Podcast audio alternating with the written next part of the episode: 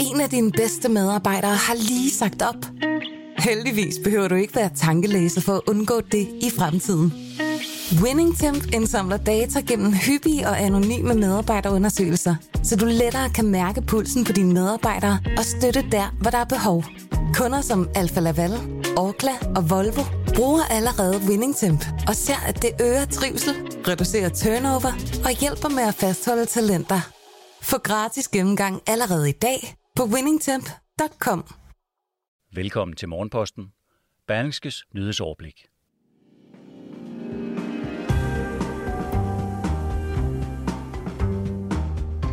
Bestsellermilliardærer fejede en grøn fond af banen i kapløb om at levere 70 millioner mundbind. Flere store virksomheder vælger nu at indføre egne coronarestriktioner. Og så har USA sendt en raket ud i rummet, der skal være med til at redde os fra alt ødelæggende sammenstød, som det, der engang udryddede dinosaurerne. Her er Morgenposten, Berlingskes nyhedsoverblik i lyd. Jeg hedder Jon Kaldan. Velkommen. Men vi begynder med historien om, hvordan der på blot en uge har været 19 såkaldte hospitalsudbrud herhjemme, og i det største af dem er hele 50 medarbejdere og patienter blevet smittet med covid-19, skriver Berlingske. Det største udbrud skete på hjerteafdelingen på Odense Universitetshospital, der har afsnit både i Odense og på sygehuset i Svendborg. Her er i alt 50 medarbejdere og patienter blevet konstateret smittet mellem den 8. og 18. november. Alle tilfældene menes at udspringe fra en enkelt akut hjertesyg patient, der blev indlagt i Svendborg.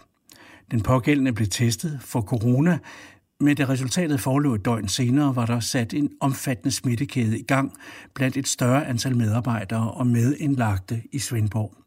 På sygehuset i Svendborg er der konstateret i alt 34 smittede, 23 medarbejdere og 9 patienter. På afdelingen i Odense har der været 16 smittede, heraf 9 patienter. De smittede medarbejdere har været fra alle faggrupper, herunder læger, sygeplejersker, medicinstuderende og andre. Udbruddet har blandt andet betydet, at hjerteafdelingen i Svendborg har været lukket for optag af patienter i en uge. Udsigten til, at vi igen skal til at bruge mundbind i detailhandlen, får butiksansatte til at bede om undtagelse. Kravet bør nemlig kun gælde kunderne, mener HK Handel, der er fagforening for butiksmedarbejdere. Man er selvfølgelig også bekymret for de stigende smittetal i detailhandlen. Fagforeningen peger blandt andet på, at Black Friday og julehandlen bliver en travl periode for butikkerne.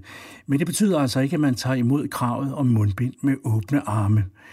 Vi vil være kede af, hvis kravet om mundbind også skal omfatte de butiksansatte, da det er meget indgribende og generende at have mundbind på en hel dag, siger HK Handel. Også Coop, der med 38.000 ansatte er en af landets største supermarkedskæder, håber, at medarbejderne kan slippe for krav om at bruge mundbind i arbejdstiden. Man går meget, og man løfter meget som butiksmedarbejder. Det er anstrengende at have mundbind på hele dagen, siger Lars Aarup, der er kommunikations- og analysechef for Coop, der blandt andet driver Kvickly og Fakta-butikkerne.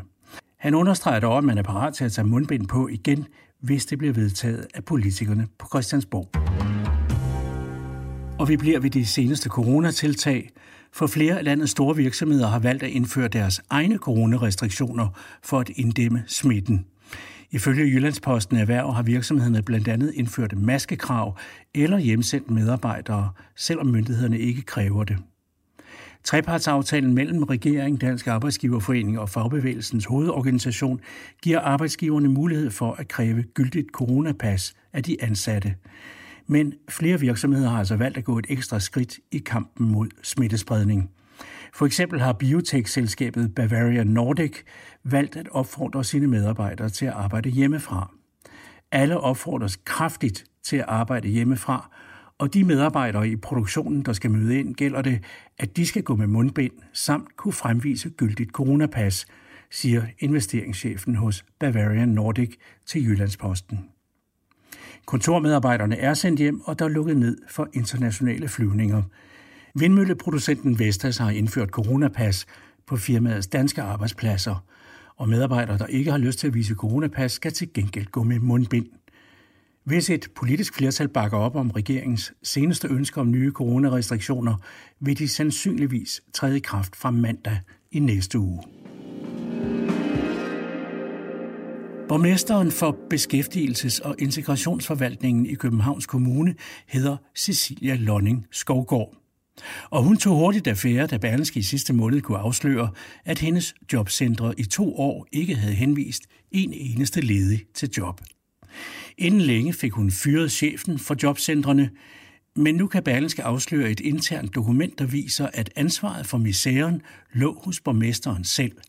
Det kan du høre i følgende uddrag af artiklen, som du både kan læse med øjnene og ørerne i sin helhed på berlingske.dk. Da Berlingske landede i landets postkasser og kiosker om morgenen den 14. oktober, fik det beskæftigelses- og integrationsborgmester Cecilia Lonning Skovgård til at tage en drastisk beslutning. Allerede få timer senere samme dag kunne Cecilia Lonning Skovgård gå i medierne og fortælle, at hun havde fjernet direktøren med ansvar for jobcentrene, Marianne Sørensen, fra sin post. Den beslutning har efterfølgende placeret Lonning Skovgård i en krydsild af kritik.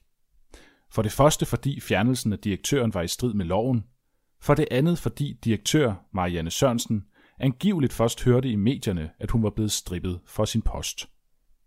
Nu viser det sig, at ansvaret for de manglende henvisninger i virkeligheden lå hos hovedpersonen selv, Cecilia Lonning Skovgaard. Det fremgår af et internt dokument fra hendes egen forvaltning, som Berlingske har fået agtindsigt i. Her bliver forvaltningen spurgt, hvor ansvaret ligger. Og svaret er klart. Borgmesteren har som formand for Beskæftigelses- og Integrationsudvalget ansvaret for kommunens opgaver, der vedrører beskæftigelsesindsats og forsørgelsesydelser. Det vil i denne forbindelse sige kommunens arbejde med jobformidling, herunder muligheden for at henvise ledige til et konkret job, skriver Beskæftigelses- og Integrationsforvaltningen. Da Cecilia Lonning Skovgård blev spurgt ind til de manglende henvisninger af ledige, var hun hurtigt til at sende aben videre til den nu tidligere direktør Marianne Sørensen. Lønning Skovgårds forklaring lød, at hun slet ikke havde været klar over, at hendes jobcentre ikke henviste nogen ledige, før Berlingske havde kontaktet hende om historien. Det var rystende oplysninger for hende, sagde hun. Selv kunne Cecilia Lønning Skovgård ikke pege på noget som helst, hun kunne have gjort bedre, og som var hendes ansvar. Nej, det kan jeg faktisk ikke.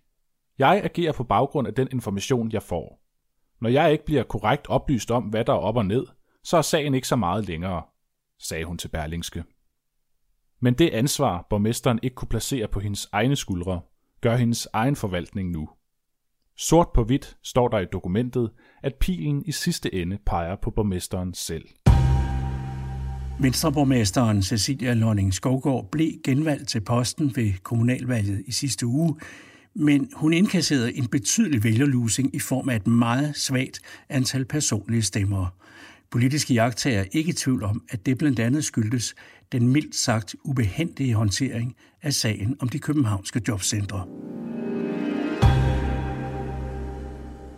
Genbrugsvirksomheden Circular Medico investerede sidste år 20 millioner kroner i at udvikle genanvendelige mundbind.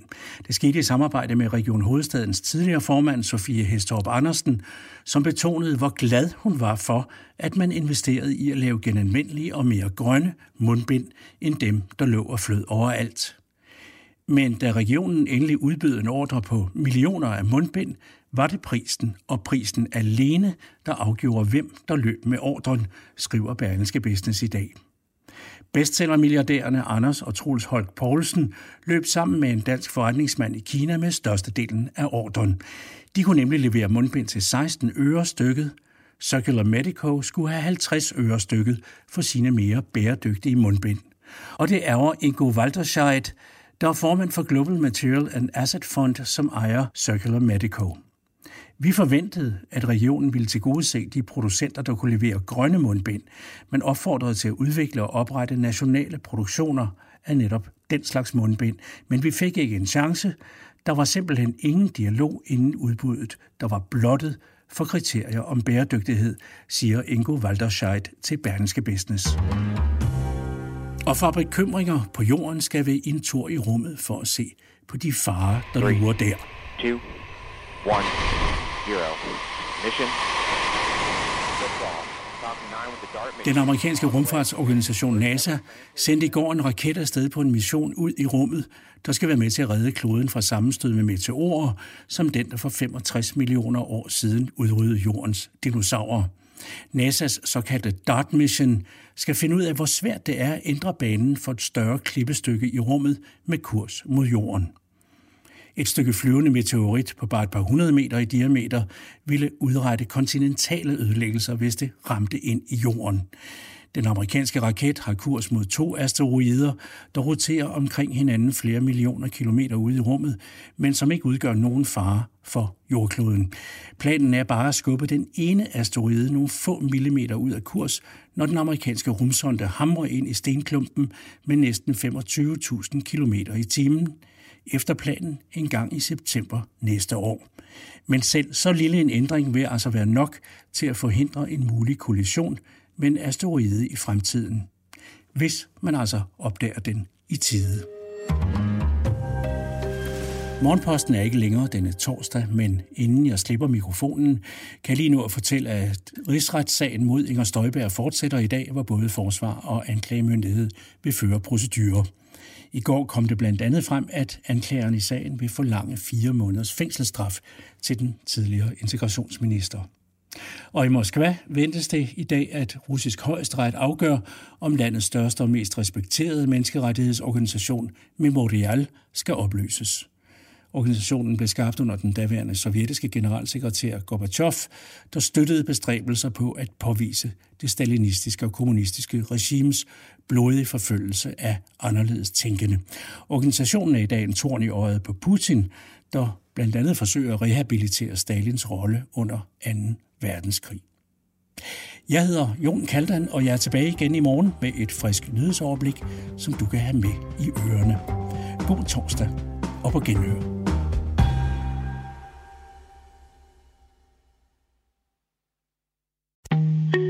En af dine bedste medarbejdere har lige sagt op. Heldigvis behøver du ikke være tankelæser for at undgå det i fremtiden. WinningTemp indsamler data gennem hyppige og anonyme medarbejderundersøgelser, så du lettere kan mærke pulsen på dine medarbejdere og støtte der, hvor der er behov.